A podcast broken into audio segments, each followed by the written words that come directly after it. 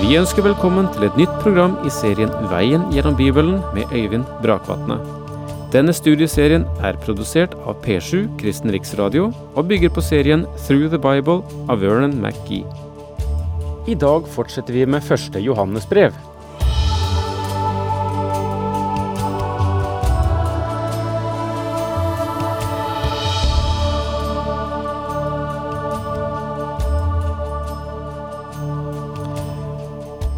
Når Johannes skriver sitt første brev, er den kristne menighet i en krise. Og krisen skyldes ikke forfølgelse som kommer utenfra.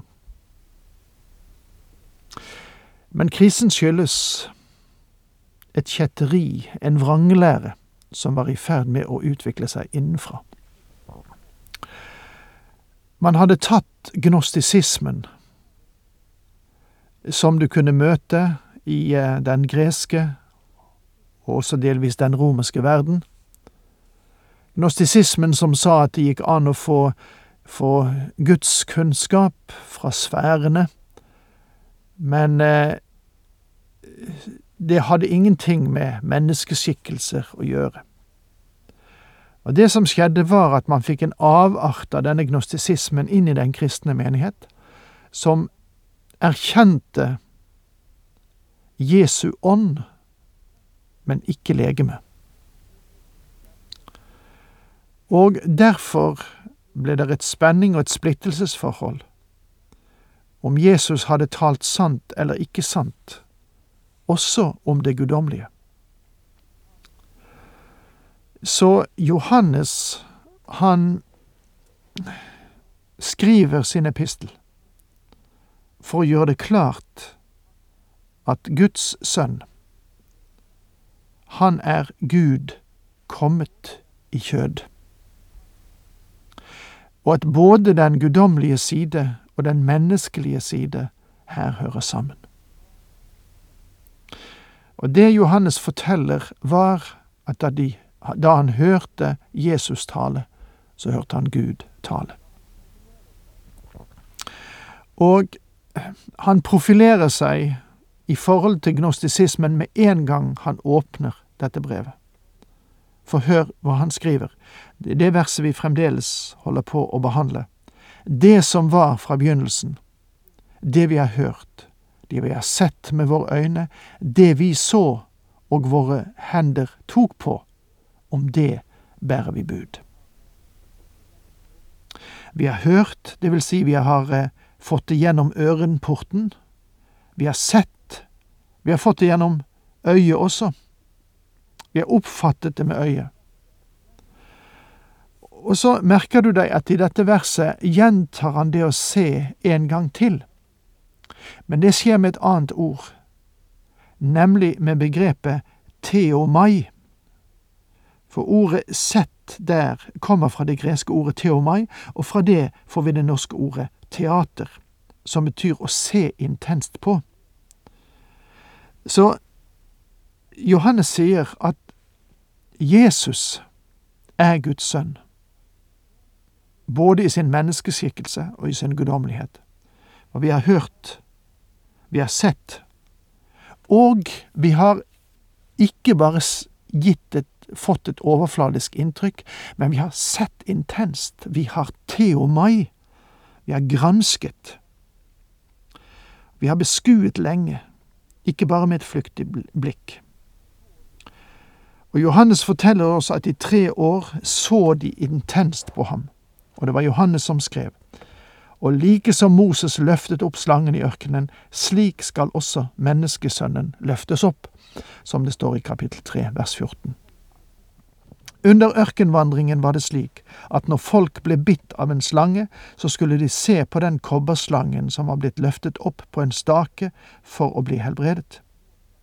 Johannes tillemper det til Jesus og sier at nå skal vi se på ham i tro for å finne frelse. Og når vi har gjort det, så skal vi beskue ham, og det skal vi gjøre i denne epistelen. Og se frelse å beskue det helliggjør.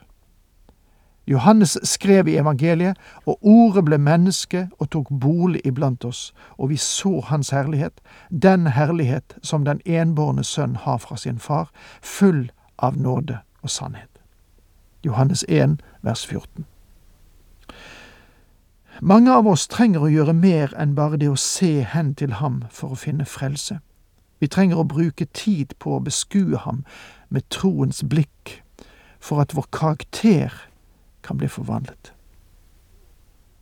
Og så legger Johannes til i dette første verset og våre hender tok på. Johannes sier at de gjorde mer enn bare å beskue ham på avstand. De tok på ham, de var ham så nær. Og Johannes selv lente seg mot hans bryst på den øvre sal, og da han talte til sine egne etter oppstandelsen, så sa Jesus, Se på mine hender og mine føtter, det er meg. Ta på meg og se. En ånd har da ikke kjøtt og ben, som dere ser at jeg har.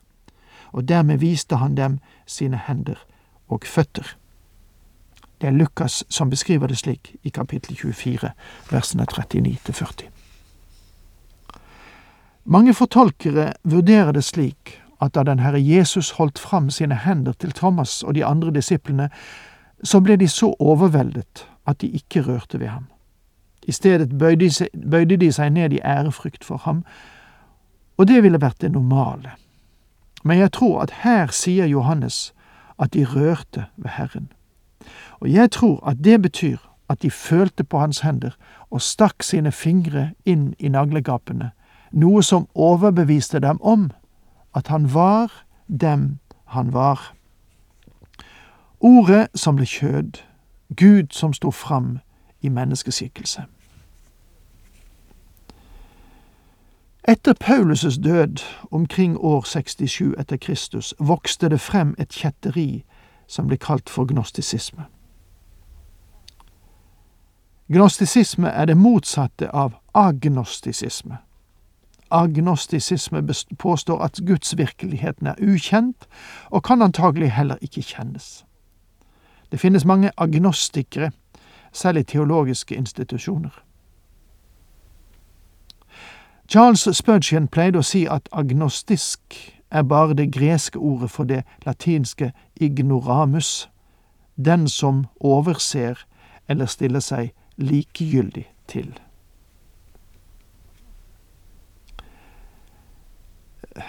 Agnostikeren sier 'jeg vet ikke'. Gnostikeren sier 'jeg vet'. Og Gnostikerne var en gruppe som grodde frem i menigheten og påstod at de hadde en overjordisk kunnskap som enkle kristne ikke hadde. De anså seg selv for særlig åndelige og trodde de visste mer enn noen andre.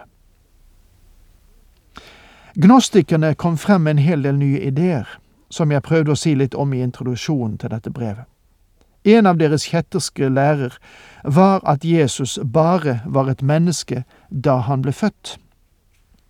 Han var bare som et hvilket som helst annet menneske. Ved fødselen. Men ved dåpen kom Kristus over ham, og da han hang på korset, forlot Kristus ham. Johannes avviser denne lære med kraftige ordelag når han skrev i sitt evangelium Ordet ble kjød, ble menneske.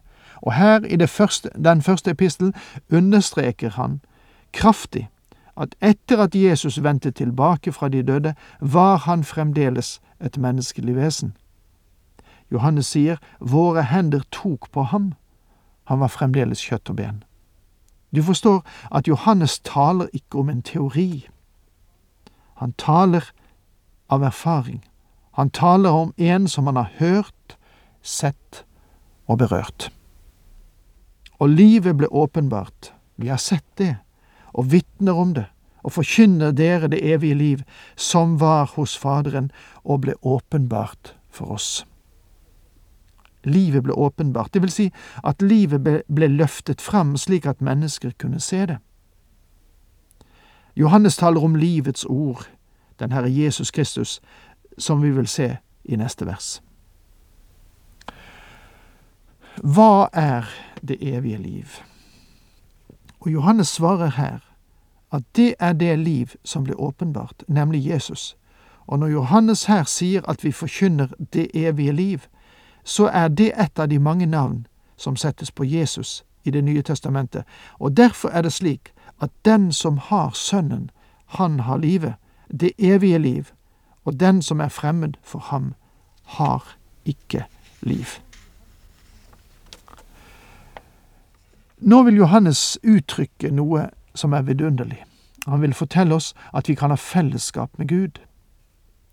Og en av de herligste tanker og erfaringer som brettes ut for oss i dag, er at du og jeg kan ha fellesskap med Gud. Det som vi har sett og hørt, forkynner vi også for dere, for at dere skal ha samfunn med oss, vi som har samfunn med Faderen og Hans Sønn Jesus Kristus. Det som vi har sett og hørt, dette er tredje gangen han har sagt det, og nå burde det ha sunket ned i vår bevissthet.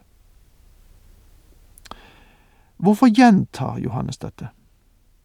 For at dere skal ha samfunn med oss. Han sier at de troende kan ha fellesskap med hverandre. Vi som har samfunn med Faderen og Hans Sønn Jesus Kristus. Hvordan kan vi ha fellesskap med Gud? Ja, her står vi egentlig overfor et dilemma, mine venner. Gud er hellig, mennesket er vanhellig. Hvordan kan man overbygge den avgrunnen? Hvordan kan du føre Gud og mennesket sammen? Eller som Amos sier det, kan to gå sammen på veien uten å være enige om det? Hvordan kan vi ha fellesskap? For å komme over dette tilsynelatende umulige hinder, så vil Johannes presentere tre mulige metoder. To av dem er menneskeskapte metoder og fungerer ikke. Den tredje er Guds metode, og det er den eneste som fungerer. Men før vi går inn i det, så la meg si noen ord om begrepet fellesskap. Fellesskap er det greske ordet koinonia, og det betyr å ha noe felles, eller dele med. Kristen fellesskap betyr å dele det som er av Kristus. Og for å kunne det må vi kjenne den Herre Jesus. Ikke bare kjenne noe om ham, men eh, kjenne ham som vår personlige frelser. I våre dager har vi mistet noe av den sanne meningen av ordet fellesskap. I noen sammenhenger er fellesskap ikke noe mer enn at man klapper hverandre på skulderen eller håndhilser på hverandre og sier Hvordan går det med deg? eller Hvordan har din kone det? Vi deler relativt uviktige hilsener med hverandre, men spørsmålet er er dette fellesskap? Vel, den kristne forståelse av fellesskap er i alle fall noe helt annet. Og det får vi eh, snakke mer om uh, siden, for nå er faktisk tiden ute. Takk for nå. Herren med deg.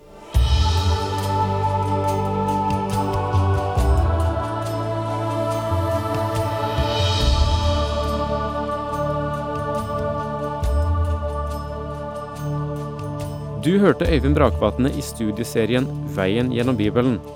Serien bygger på et manus av Vern McGee.